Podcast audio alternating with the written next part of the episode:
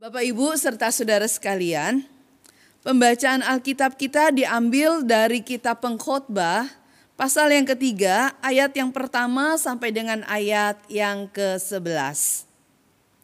Demikian bunyinya firman Tuhan. Untuk segala sesuatu ada masanya. Untuk apa pun di bawah langit ada waktunya. Ada waktu untuk lahir, ada waktu untuk meninggal, ada waktu untuk menanam, ada waktu untuk mencabut yang ditanam, ada waktu untuk membunuh, ada waktu untuk menyembuhkan, ada waktu untuk merombak, ada waktu untuk membangun, ada waktu untuk menangis, ada waktu untuk tertawa, ada waktu untuk meratap, ada waktu untuk menari, ada waktu untuk membuang batu, ada waktu untuk mengumpulkan batu, ada waktu untuk memeluk, ada waktu untuk menahan diri dari memeluk, ada waktu untuk mencari, ada waktu untuk membiarkan rugi, ada waktu untuk menyimpan, ada waktu untuk membuang, ada waktu untuk merobek ada waktu untuk menjahit, ada waktu untuk berdiam diri, ada waktu untuk berbicara, ada waktu untuk mengasihi, ada waktu untuk membenci, ada waktu untuk perang, ada waktu untuk damai. Apakah untung pekerja dari yang dikerjakannya dengan berjerih payah? Aku telah melihat pekerjaan yang diberikan Allah kepada anak-anak manusia untuk melelahkan dirinya. Ia membuat segala sesuatu indah pada waktunya. Bahkan ia memberikan kekekalan dalam hati mereka. Tetapi manusia tidak dapat menyelami pekerjaan yang dilakukan Allah dari awal sampai akhir. Demikianlah pembacaan firman Tuhan. Yang berbahagia ialah setiap kita yang memegang kebenaran firman Allah dan yang memeliharanya dalam kehidupannya sehari-hari. Haleluya!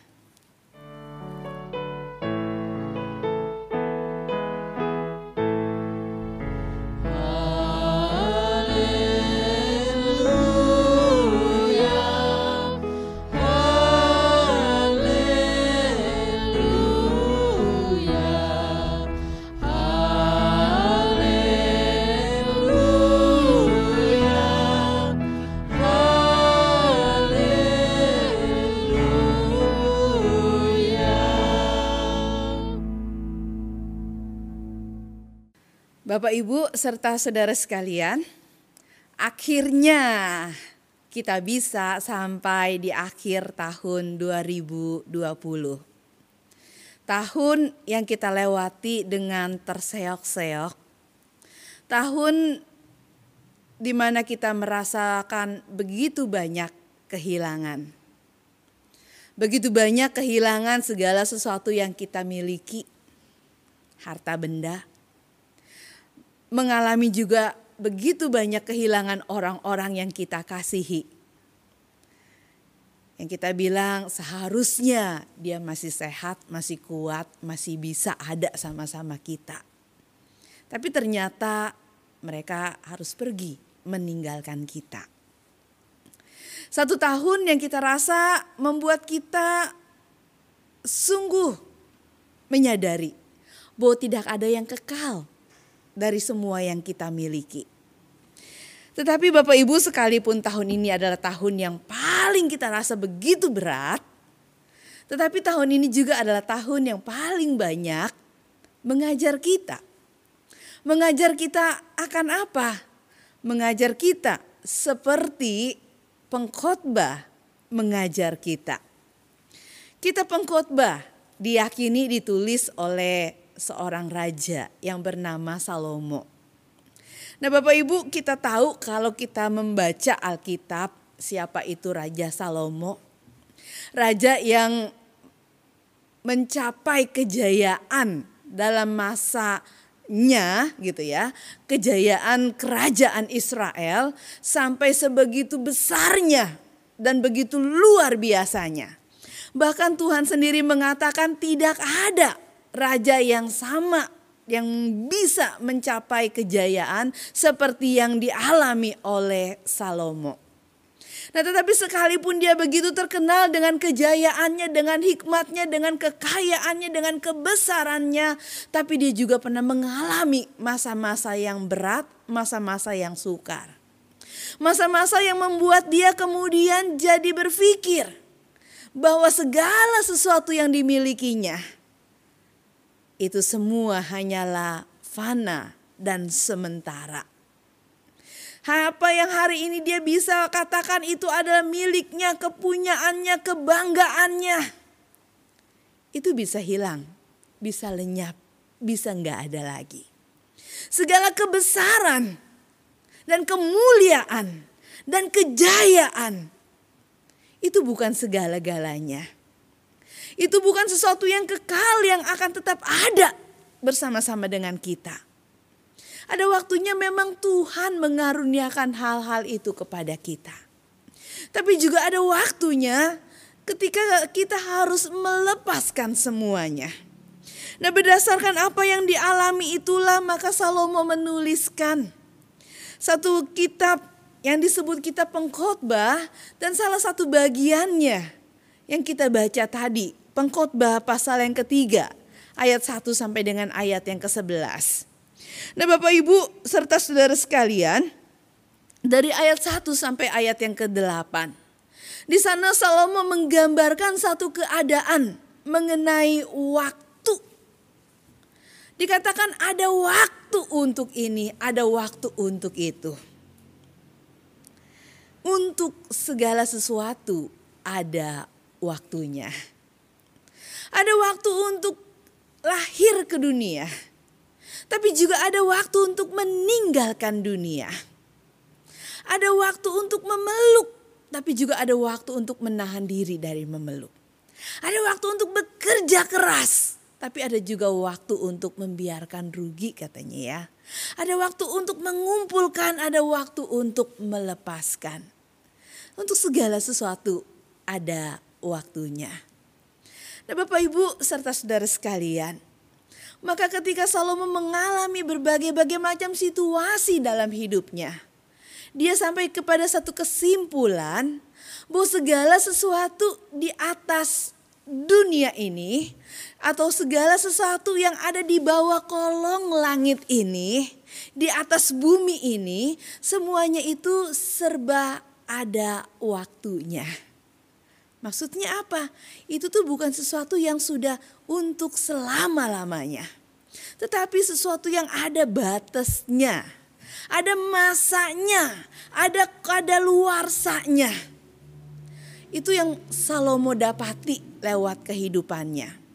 Ketika dia bisa mengalami banyak hal yang baik, tapi juga ketika kemudian dia harus menerima dan melihat banyak hal yang buruk dalam hidupnya. Saat itulah dia menyadari bahwa sesungguhnya hidup itu bukan semata-mata usahanya, pekerjaannya, jeri lelahnya. Tetapi karena memang untuk segala sesuatunya ada waktunya, ada kesempatannya yang Allah percayakan, yang Allah berikan kepada setiap orang. Nah saudara-saudara, Bukankah itu juga yang kita lihat di tahun 2020 ini? Sepanjang tahun, siapa menyangka bahwa kita akan mengalami semuanya ini? Mungkin kita sedang merasakan begitu sukacitanya. Karena apa yang kita capai dalam usaha kita, dalam jeri lelah kita, dalam pekerjaan kita, dalam segala sesuatu yang kita rancangkan untuk masa depan kita. Tetapi kemudian kita harus menghadapi satu keadaan. Bu ternyata apa yang kita pikirkan, yang kita rencanakan, yang kita rancangkan tidak melulu bisa terjadi seperti yang kita mau. Kita bisa berencana katanya ya. Tetapi kalau Tuhan mengizinkan, maka dia memberikan kesempatan itu kepada kita. Tetapi jika tidak, maka Tuhan mau kita melakukan sesuatu yang lain dan yang berbeda.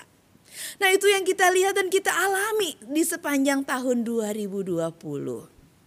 Kita merasakan betul apa yang dikatakan oleh Salomo.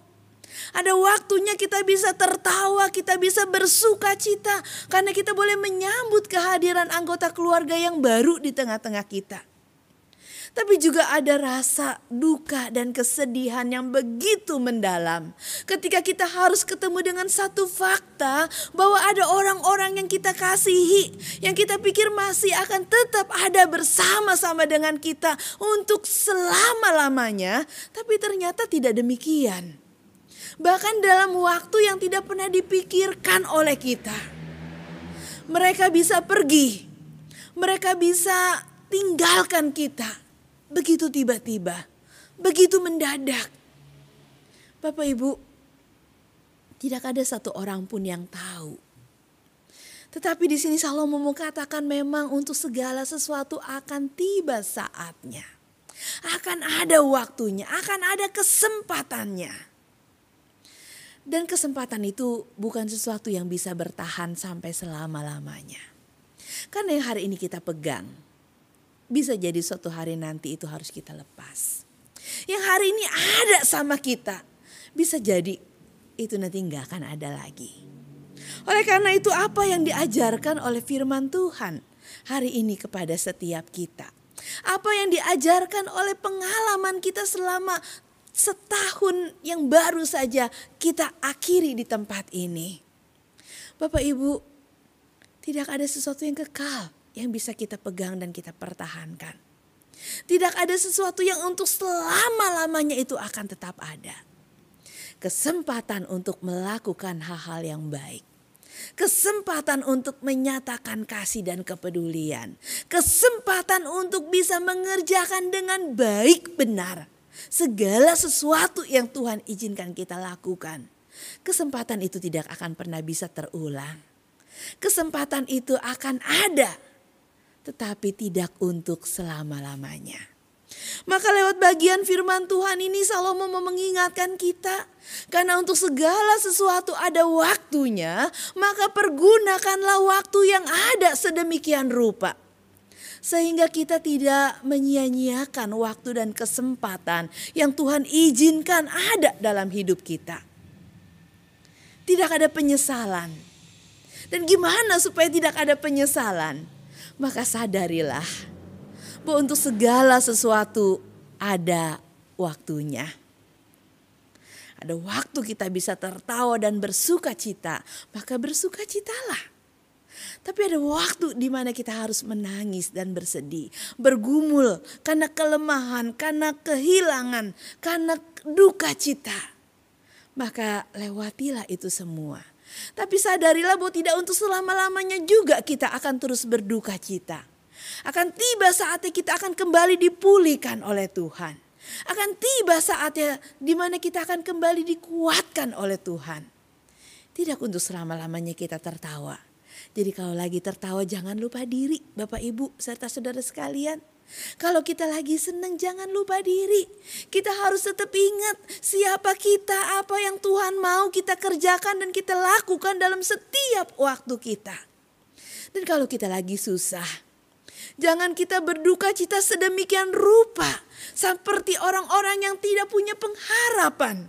Karena kita tahu akan ada waktunya duka cita itu akan berakhir, kesusahan itu akan berakhir, dan akan ada sukacita, akan ada penghiburan, akan ada hari yang kembali terang yang Tuhan berikan kepada kita.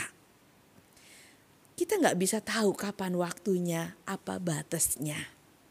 Tapi satu hal yang kita tahu bahwa selama masih ada sama kita, apa yang kita punya, maka Bapak Ibu kita masih diberi waktu.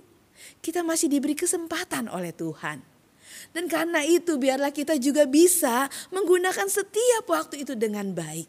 Setiap kesempatan itu dengan baik. Jangan sampai ada penyesalan. Kalau saja saya tahu. Kalau saja saya tahu. hari ini ketika kita sampai di akhir tahun 2020.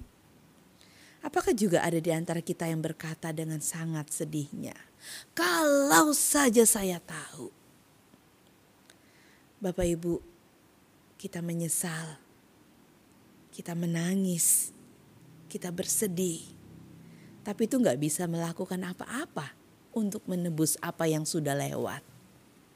Yang kita bisa lakukan adalah melepaskan dan merelakan dengan bertekad mau menjadi lebih baik di tahun yang akan datang. Dengan kesempatan yang baru yang masih Tuhan berikan kepada kita. Biarlah kita boleh bekerja dan bergiat sedemikian rupa. Menggunakan setiap waktu dan kesempatan yang Tuhan berikan kepada kita. Kesempatan untuk terus bekerja dan berkarya di dalam dia. Kesempatan untuk mengasihi dan dikasihi kesempatan untuk bekerja keras dan melakukan dengan sukacita segala sesuatu yang bisa kita lakukan dan kita kerjakan. Kesempatan untuk melewati duka, kesempatan mungkin untuk berdiam diri sambil melihat apa yang Tuhan mau kita lakukan dalam hidup kita. Biarlah kita boleh menggunakan setiap kesempatan itu dengan baik. Nah, Bapak Ibu, satu hal yang harus kita tahu bahwa memang kita ada dalam ketidakkekalan di dunia ini.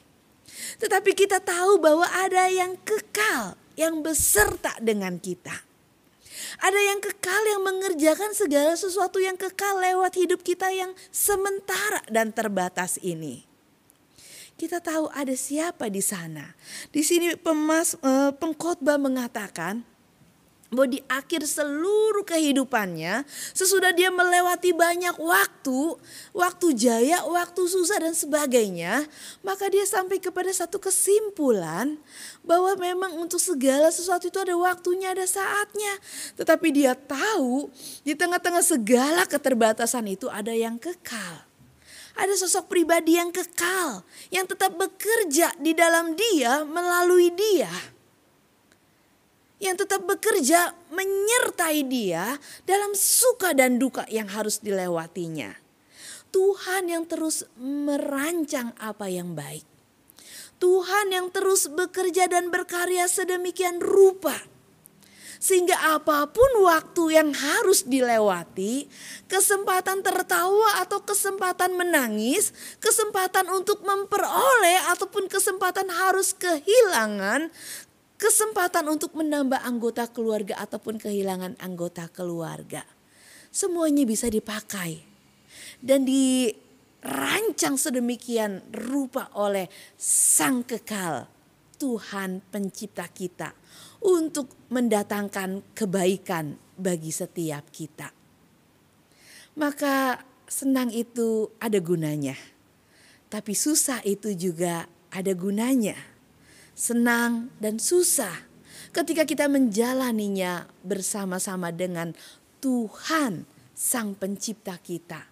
Maka yang terjadi adalah kita akan tetap mendapatkan apa yang baik lewat semuanya itu. Dalam kesukaan kita, Tuhan mengajar kita untuk melihat kebaikan-kebaikan yang Tuhan nyatakan kepada kita.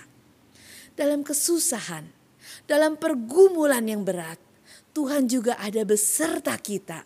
Dan dia juga merancangkan dan menolong kita untuk melihat kebaikan-kebaikannya lewat banyak hal yang susah dan sulit yang harus kita hadapi. Oleh karena itu Bapak Ibu, ketika kita mencapai hari ini, ketika kita mencapai jam ini, ketika beberapa waktu lagi kita akan menutup tahun 2020.